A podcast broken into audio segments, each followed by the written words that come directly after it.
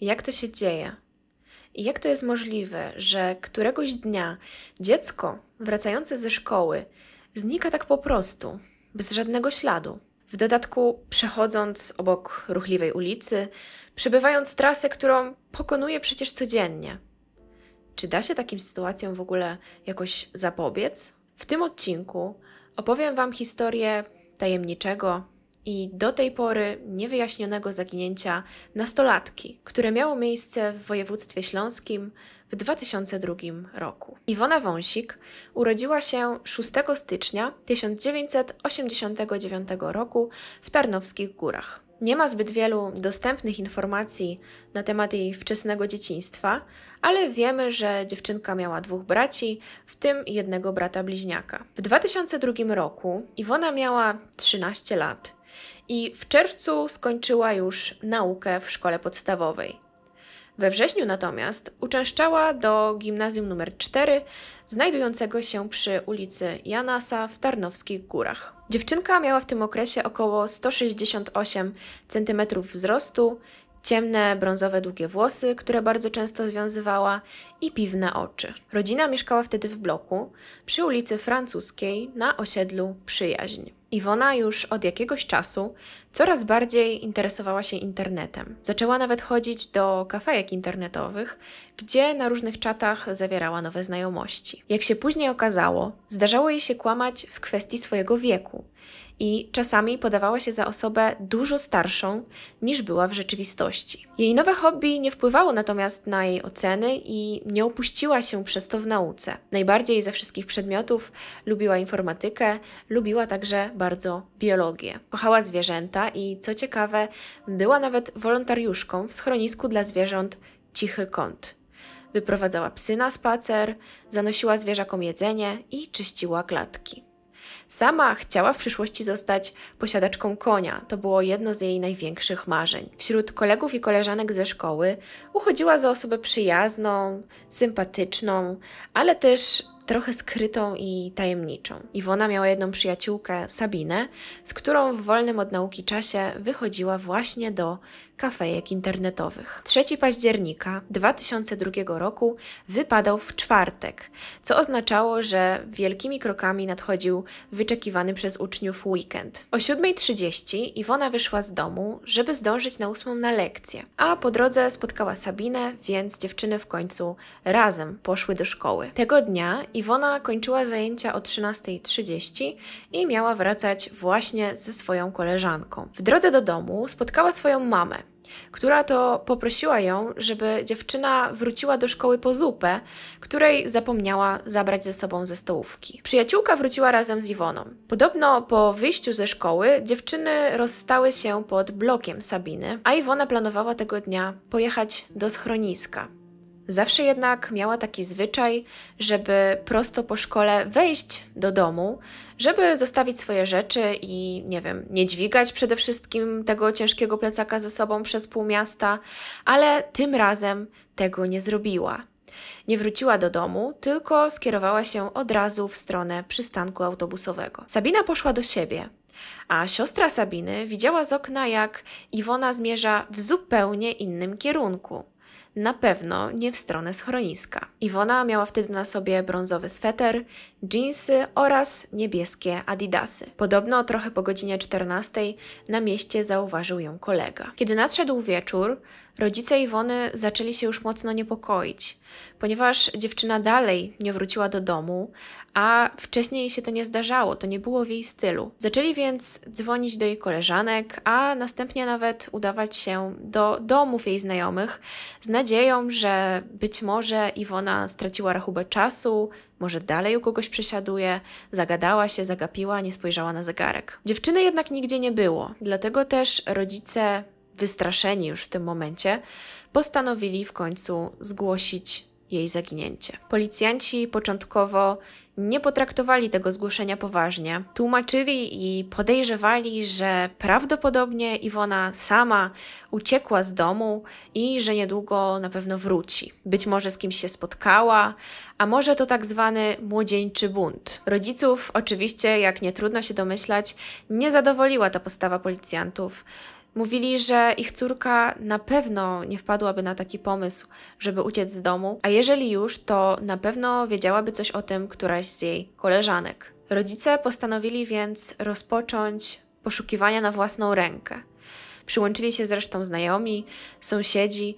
Wszyscy szukali Iwony w różnych miejscach, w opuszczonych budynkach, w piwnicach, wszędzie, gdzie się tylko dało, rozwieszali plakaty z wizerunkiem dziewczyny, na klatkach schodowych czy na przystankach autobusowych. Po pewnym czasie okazało się, że w dniu zaginięcia Iwony kilku chłopców widziało, jak wchodzi ona do sklepu i nie była ona sama, ponieważ towarzyszył jej dużo starszy od niej mężczyzna. Chłopcy twierdzili, że mógł on mieć około 20-25 lat, miał długie włosy, niebieskie oczy, był dość wysoki, ubrany cały na czarno, a na sobie miał skórzaną kurtkę oraz glany. W związku z tą informacją przesłuchano także sprzedawczynię z tego sklepu, ale kobieta nic nie wiedziała i w ogóle za dużo nie pamiętała. Trzynastolatka wyparowała w powietrze, a co najsmutniejsze, w śmietniku na osiedlu znaleziony został słoik z zupą, który Iwona wtedy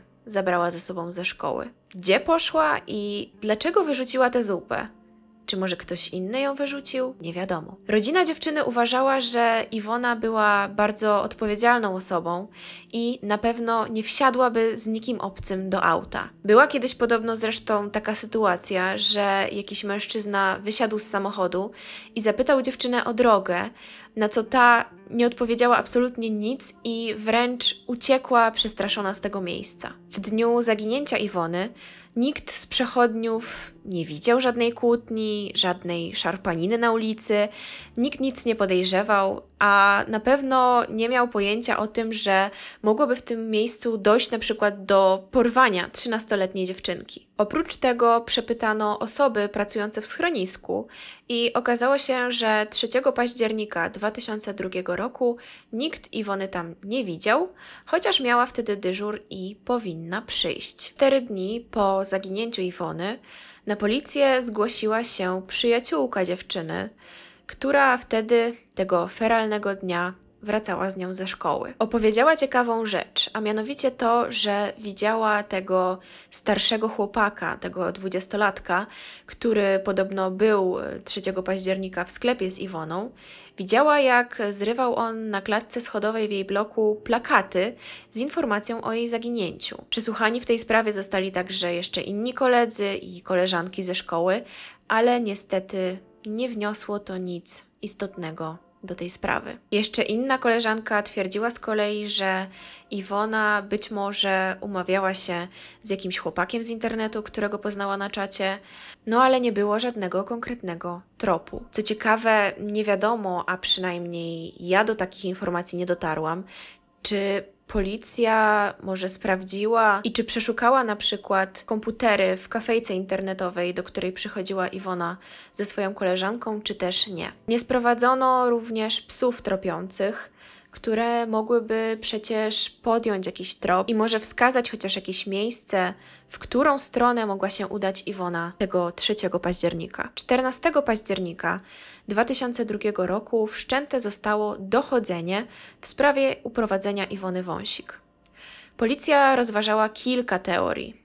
Między innymi taką, że może Iwona została przez kogoś potrącona i sprawca wypadku tak bał się odpowiedzialności karnej, że porzucił gdzieś jej ciało i po prostu odjechał. Brali też pod uwagę to, że Iwona faktycznie mogła poznać jakąś nieodpowiednią, niebezpieczną osobę w internecie, która miała jakiś związek z jej zaginięciem. Oczywiście, jak to w przypadku takiej skomplikowanej, dziwnej, zawiłej historii, pojawiły się także liczne plotki i spekulacje na temat tego, że może dziewczyna sama uciekła z jakimś chłopakiem, że została przez kogoś porwana i wywieziona z kraju. Ludzie opowiadali także, że być może dopadł ją jakiś gang handlarzy narządami. Przeszukiwano pobliskie lasy, przeszukiwano różne zbiorniki wodne.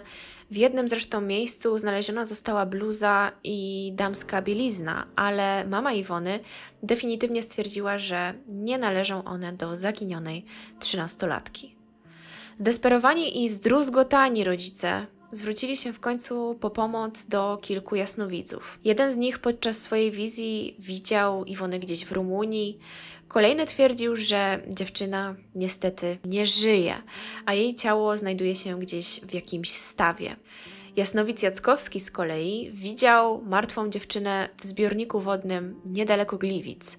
Jednak miejsce to zostało dokładnie sprawdzone, a Iwony tam nie było. Rodzina Iwony twierdziła również, przynajmniej z tego co im było wiadomo, że ta nie miała chłopaka i nie zadawała się z żadnym podejrzanym towarzystwem, które miałoby na nią zły wpływ. Współpraca z policją nie należała niestety do najłatwiejszych do najprzyjemniejszych. Pojawił się żal, że tak późno rozpoczęto poszukiwania dziewczyny i że na samym początku policjanci nie potraktowali tego zgłoszenia na poważnie, tylko sądzili, że ich córka uciekła z domu. W pewnym momencie rodzice zgłosili się również do detektywa Rutkowskiego, który miał poprowadzić własne śledztwo w tej sprawie. Podobno nawet w szkole zorganizowano specjalną zbiórkę pieniędzy, która miała być przeznaczona na jego usługi. I to on ponoć podejrzewał, że dziewczynka mogła zostać wywieziona do domu publicznego w Niemczech. Sam pojechał to sprawdzić, ale nie odkrył nic, co mogłoby mieć jakikolwiek związek z zaginięciem Iwony. Żadnego śladu, tropu czy wskazówki. 4 czerwca 2003 roku prokuratura umorzyła dochodzenie w sprawie uprowadzenia Iwony Wąsik. Zapewniano jednak, że nie zostawią tak tej sprawy i że dalej będą prowadzone działania w celu odnalezienia dziewczyny. Historia zaginięcia Iwony została również pokazana w programie telewizyjnym Magazyn 997. W materiale, który znalazłam na YouTubie, wypowiada się ojciec Iwony. Opowiada, że w momencie, kiedy dziewczyna już przez dłuższy czas nie wracała do domu, ten od razu przeczuwał, że na pewno stało się coś złego, ponieważ nigdy wcześniej się nie zdarzało tak wychodzić bez słowa i nie informować rodziców, co robi, albo przynajmniej o której zamierza wrócić do domu. Sądzi, że jego córka najprawdopodobniej została przez kogoś uprowadzona i widać olbrzymi smutek i rozpacz w jego oczach. Po dwóch latach od zaginięcia Iwony pojawił się kolejny wątek. Wątek dotyczący grasującego w Tarnowskich Górach pedofila. Miał on spotykać się z małymi dziewczynkami z osiedla Przyjaźń, ale finalnie nie znaleziono jakichś mocnych dowodów, które mogłyby to potwierdzić.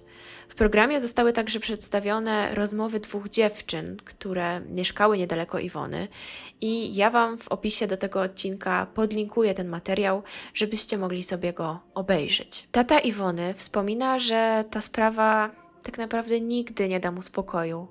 I że stracił już nadzieję na to, że jeszcze kiedyś zobaczy swoją córkę, ale chciałby chociaż dowiedzieć się, co tak naprawdę się wtedy wydarzyło i chciałby jakoś zamknąć ten rozdział. Wiele źródeł podkreśla, że najbardziej prawdopodobna jest ta teoria, która mówi o tym, że Iwona w dniu zaginięcia planowała się z kimś spotkać, że była to jakaś właśnie tajemnicza, nieznana nikomu osoba z internetu, incognito, do której nie udało się dotrzeć i która prawdopodobnie nie miała absolutnie dobrych zamiarów względem dziewczyny. Sama jestem ciekawa, czy właśnie w jakikolwiek sposób został w końcu sprawdzony któryś z tych komputerów, z którego mogła korzystać. Mam też takie nieśmiałe przypuszczenie, że być może, gdyby coś takiego wydarzyło się teraz, w 2021 roku, dużo łatwiej byłoby sprawdzić coś takiego, prześledzić rozmowy, czy dotrzeć do kogoś z internetowego czatu. Ale nie chcę tutaj się wymądrzać ani zbytnio gdybać, no bo nigdy nic nie wiadomo. W jednym źródle czytałam jeszcze, że podobno Iwona często korzystała z tych czatów jako osoba niezalogowana, dlatego też nic nie udało się sprawdzić, a ona i te osoby, z którymi rozmawiała, pozostawały całkowicie anonimowe w sieci. Podobno też Iwona pisała nie tylko z ludźmi z Polski, ale też nawiązywała różne kontakty z osobami z zagranicy. W 2008 roku została przygotowana progresja wiekowa Iwony, przedstawiająca to, jak dziewczyna mogłaby wyglądać po tylu latach. Rodzice Iwony rozstali się i zamieszkali osobno. Ich związek nie przetrwał tej tragedii. Rodzinie po tym wszystkim nie wiodło się też najlepiej, a ojciec Iwony w pewnym momencie stracił pracę. W materiale dla magazynu 997 mówi, że minęło sporo czasu, zanim choć trochę się ogarnął i zaczął żyć w miarę normalnie, na ile normalnie można oczywiście żyć po czymś takim. Wspomina też, że córka często mu się śniła, że miał wiele koszmarów związanych z tą sprawą. Bracia Iwony z kolei wyjechali z Polski za pracą. Za pomoc w odnalezieniu Iwony została wyznaczona nagroda w wysokości 50 tysięcy złotych. Obecnie tą sprawą zaginięcia Iwony zajmuje się katowickie Archiwum X, z którym można się kontaktować. Oprócz tego o zaginięciu Iwony przypomina strona Zaginieni przed laty, która również współpracuje z policją i przekazuje wszystkie informacje w sprawach osób zaginionych. Działa również Fundacja Na Tropie, gdzie także można zgłaszać informacje dotyczące zaginięcia Iwony. Jeżeli Iwona Wąsik żyje, to ma w tym momencie 32 lata i jest już osobą dorosłą, dorosłą kobietą. Nie mogę i nawet nie chcę sobie wyobrażać, co musi czuć rodzina Iwony i jak można w ogóle żyć, funkcjonować przez tyle czasu w niewiedzy, która na pewno zżera cię od środka. Miejmy nadzieję, że Archiwum X uda się jeszcze rozwiązać tę sprawę i kiedyś dowiemy się, co się stało w Tarnowskich Górach w październiku 2002 roku. Ja jestem bardzo ciekawa, co wymyślicie na ten temat, o tym wszystkim i która z teorii do Was najbardziej przemawia. A może sami macie jeszcze jakieś inne pomysły dotyczące tego, co mogło się stać z Iwoną Wąsik. Dużo osób uważa, że niestety, ale Iwony już dawno nie ma na tym świecie i że prawdopodobnie ktoś wyrządził jej jakąś krzywdę. A może jest z kolei jakaś osoba, która wie coś więcej, ale nie chce albo z jakiegoś powodu nie może powiedzieć. Dzisiejszy odcinek był nieco krótszy niż zazwyczaj, ale nie mogłam się powstrzymać, żeby nie nagrać Wam o tej historii, bo naprawdę mnie bardzo zaciekawiła zaintrygowała i wryła mi się w głowę ze względu na to, że nie ma tak naprawdę żadnego dowodu, żadnego śladu, nawet minimalnego tropu czy tej wskazówki, co mogło się wydarzyć. Zapraszam Was oczywiście jak zwykle do dyskusji w komentarzach. Zachęcam Was również do zasubskrybowania mojego kanału, a jeżeli nie widzieliście jeszcze poprzedniego odcinka, no to również zapraszam Was do obejrzenia wideo bądź posłuchania. Odcinek ten dotyczy najgłośniejszej sprawy kryminalnej z mojego rodzinnego miasta, z Piotrkowa, czyli jest on o sprawie Mariusza Drynkiewicza. Odcinek ten trwa godzinę z kawałkiem. Zapraszam Was również na mój Instagram, Niewinny Podcast. W opisie pojawią się linki do artykułów, z których korzystałam, no i też właśnie podlinkuję Wam ten materiał z magazynu 997. Do usłyszenia już niedługo w następnym odcinku mojego podcastu. Cześć!